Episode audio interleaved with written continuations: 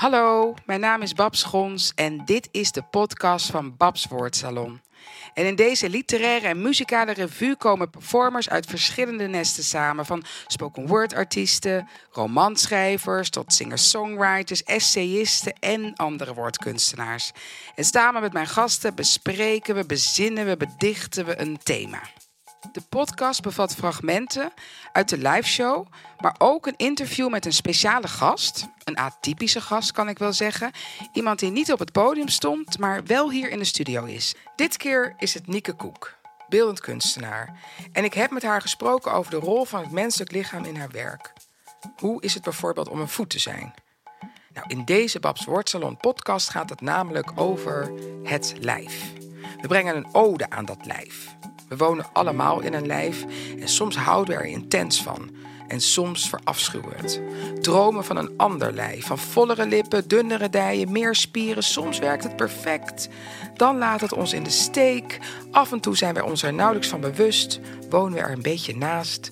En andere keren zijn we er de hele dag mee bezig. In de sportschool, in een ziekenhuis of in bed.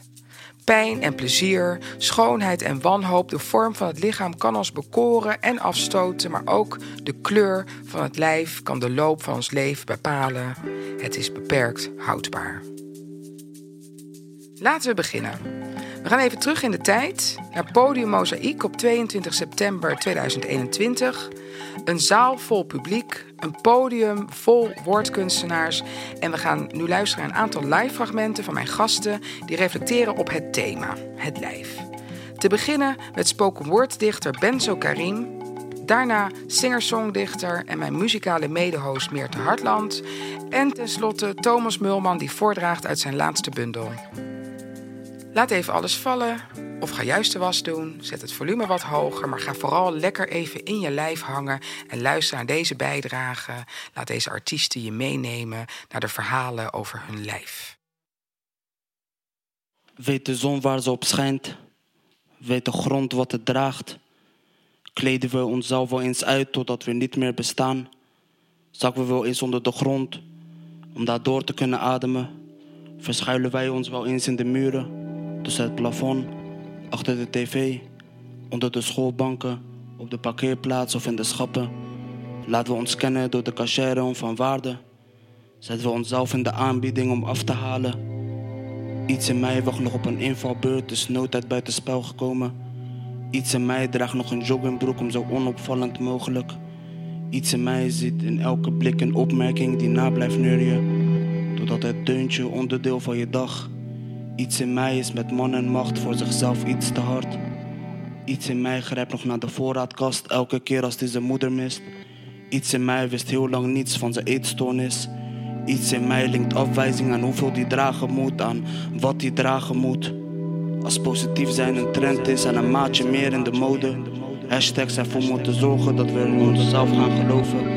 Als zelfliefde te koop was, je body positief die kon laten bezorgen. Zo goed ingepakt dat de buren niet weten wat erin verborgen. Als kledingrekken gevuld waren met spiegels voor iedereen. Als meer aandacht naar waarom en niet hoezo. Als meer ruimte voor de bron. Ik ben mezelf in de spiegel tegengekomen. Nu kijk ik elke ochtend of het er nog is. Nu druk ik mijn schouders op, mijn neus vooruit en weet ik dat ik vliegen mag. Land ik op havens die veilig genoeg zijn om mij te dragen. Nu vind ik mezelf mooi zonder als. Verlies ik barrières als ik dans, gun ik mezelf als ik bang. Was nog nooit zo van mezelf verzekerd. Geniet van elke keer als ik mezelf mag kleden. Druk mezelf nooit meer onder de aarde, ik adem. Zet ik de lat wat lager, ik haal hem. Spiegel ik me aan de sterren te stralen. Dikke jongens vallen niet af, maar vallen op. Dikke jongens vallen niet af, maar vallen op. Dikke jongens vallen niet af, maar vallen op. Vallen niet af, maar vallen op. Vallen niet af, maar vallen op vallen op. achter mijn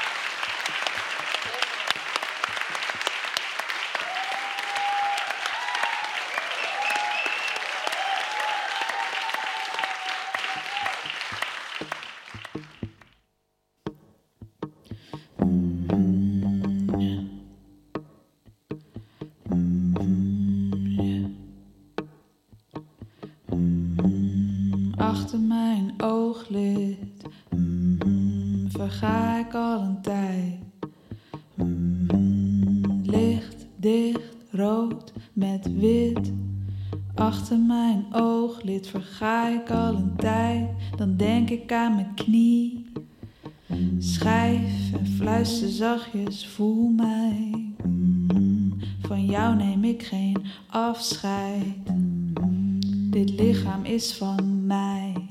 Mm, dan kijk ik naar mijn handen mm, en naar mijn kleine teen. Mm, huid op huid op haar, ik laat je niet alleen.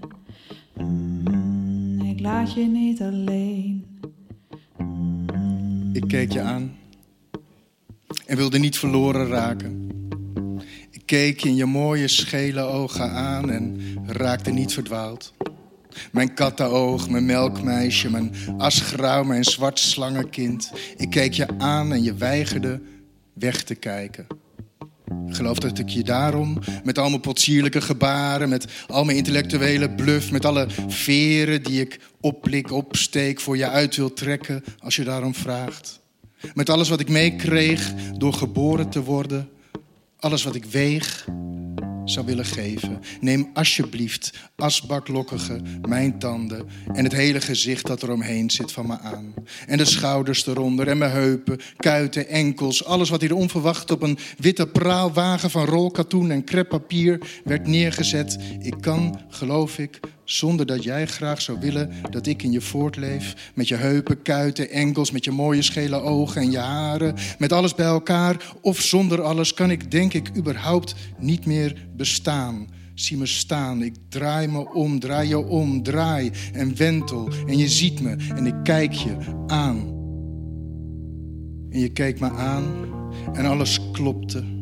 Alles klapte open, alles werd iets anders. En de huid van je borsten werd de huid van mijn vingertoppen. En mijn vingers werden van gom, van schors, van mensenvlees. Als langzaam glas, als as. We hebben de tijd gehad, tijd genoeg om de lente zich over al het ontwaken te zien verspreiden. Als koorts, als dooi, als een gerucht. Knoppen schoten onder onze ogen open. Je tepels glommen als kersen, knikkers, open ogen. Je rook naar appels en wijn toen ik thuis kwam. Er bleven bloesems uit je haren dwalen, vlekken op mijn lakens achter. Lieveling, ik heb ze allemaal voor je bewaard.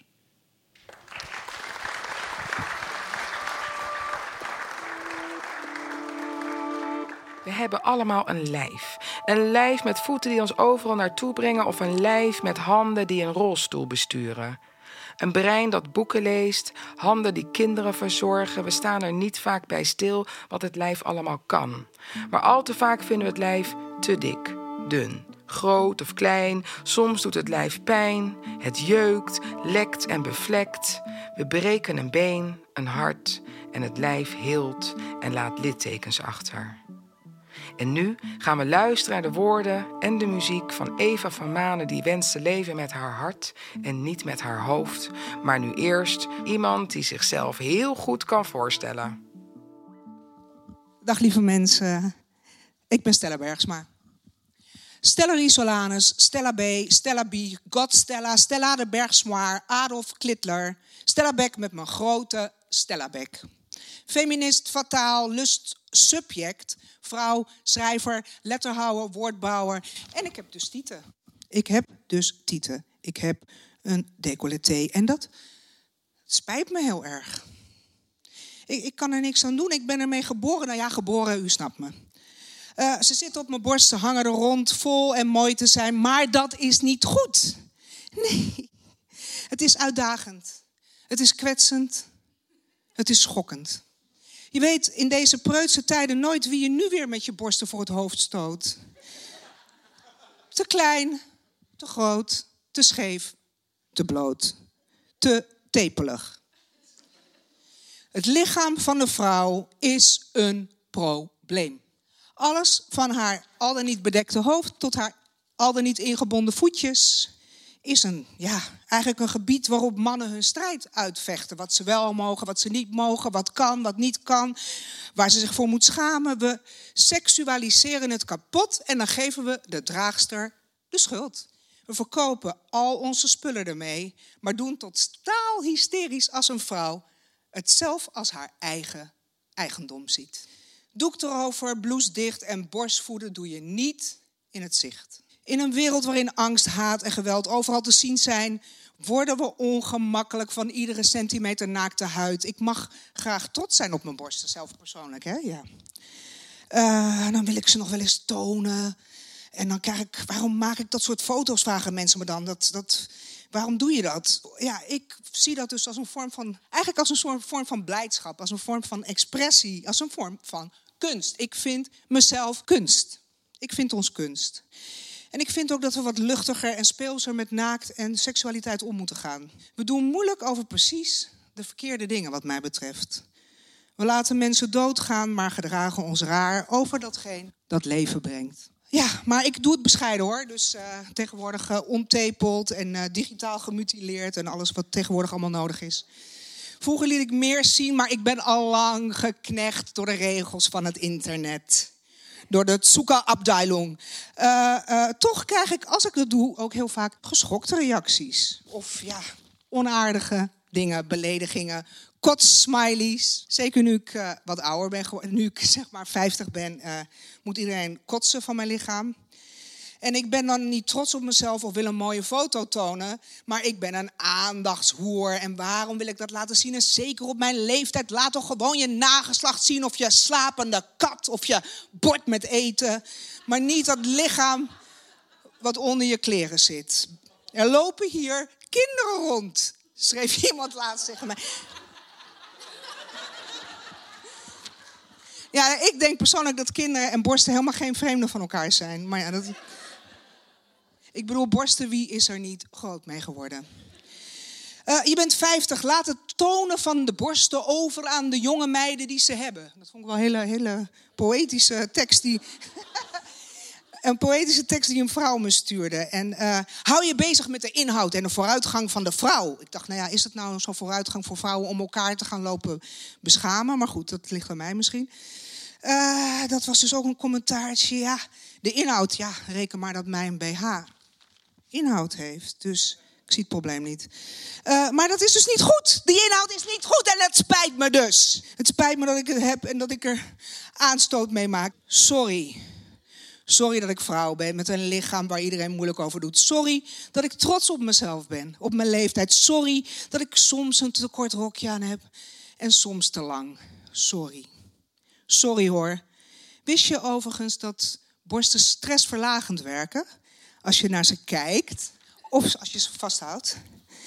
Ze zijn mooi en ze zijn lief en ze zijn prettig en ze zijn zoveel leuker dan elkaar uitschelden of doodsbedreigingen sturen. We zijn totaal vervreemd van wat natuurlijk en goed voor ons is. En dat spijt me heel erg. Sorry dus. Sorry dat ik besta. Sorry voor alles.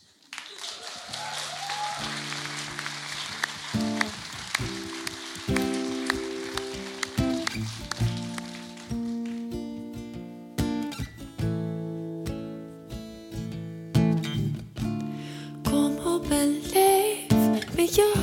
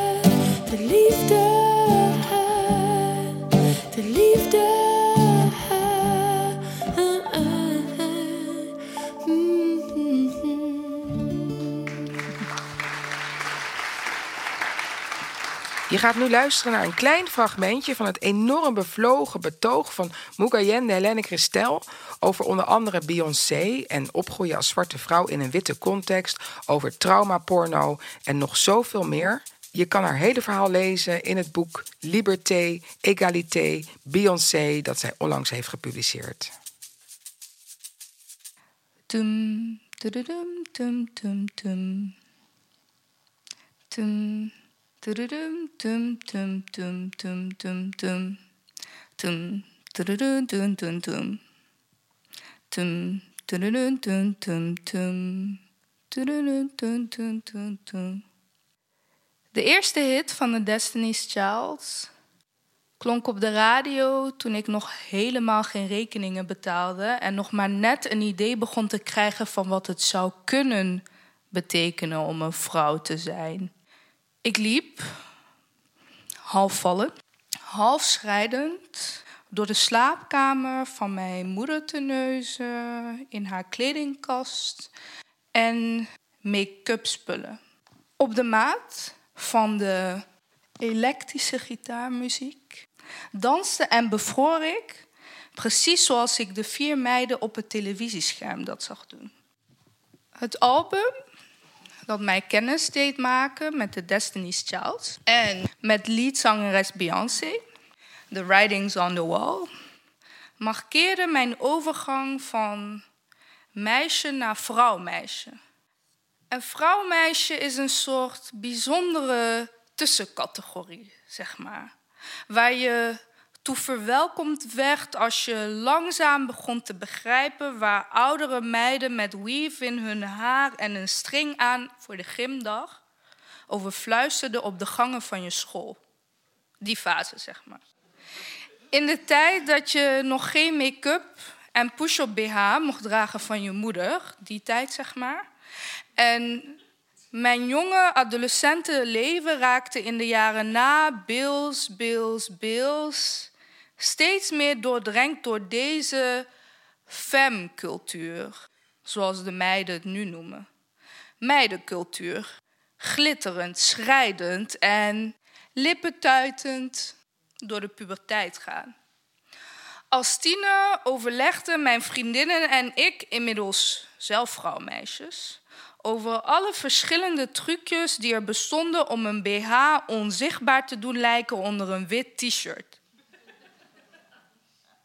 Was dat nou een zwarte BH of juist een witte? Het antwoord daarop heb ik nog steeds niet gevonden. Maar binnen deze meidencultuur was er veel nodig om twee gevaarlijke dingen tegelijk te doen: het oog van de maatschappij bevredigen terwijl je jezelf tegen sletvrees beschermt. Het leek allemaal wel een boel oppervlakkigheid, meidencultuur, maar er golden strenge regels voor vrouwwording. En daaraan voldoen vergt topsportdiscipline. Tum, tum, tum, tum. De clip voor Bills, Bills, Bills werd opgenomen in een zwarte kapperszaak. De place of business van Maman Beyoncé en de plek waar hip-hop meidencultuur door zwarte vrouwen en non-binaire femmes wereldwijd gecreëerd en geremixed wordt. Luxe nepnagels, baggy broeken, crop tops, ingevlocht haar of pixiepruiken en een lipglossbom op je lippen. De esthetiek van jonge zwarte vrouwen heeft het internet in de afgelopen jaren in een razendsnel tempo overgenomen. Het is een esthetiek die tegenwoordig door vrouwen van allerlei achtergronden wordt gedragen en vrouwen van allerlei achtergronden in haar ban houdt. Maar nog voordat dat alles gebeurde, was de wereld die we deelden met Kelly, Latoya, Latavia en ene zekere Beyoncé onze best kept secret.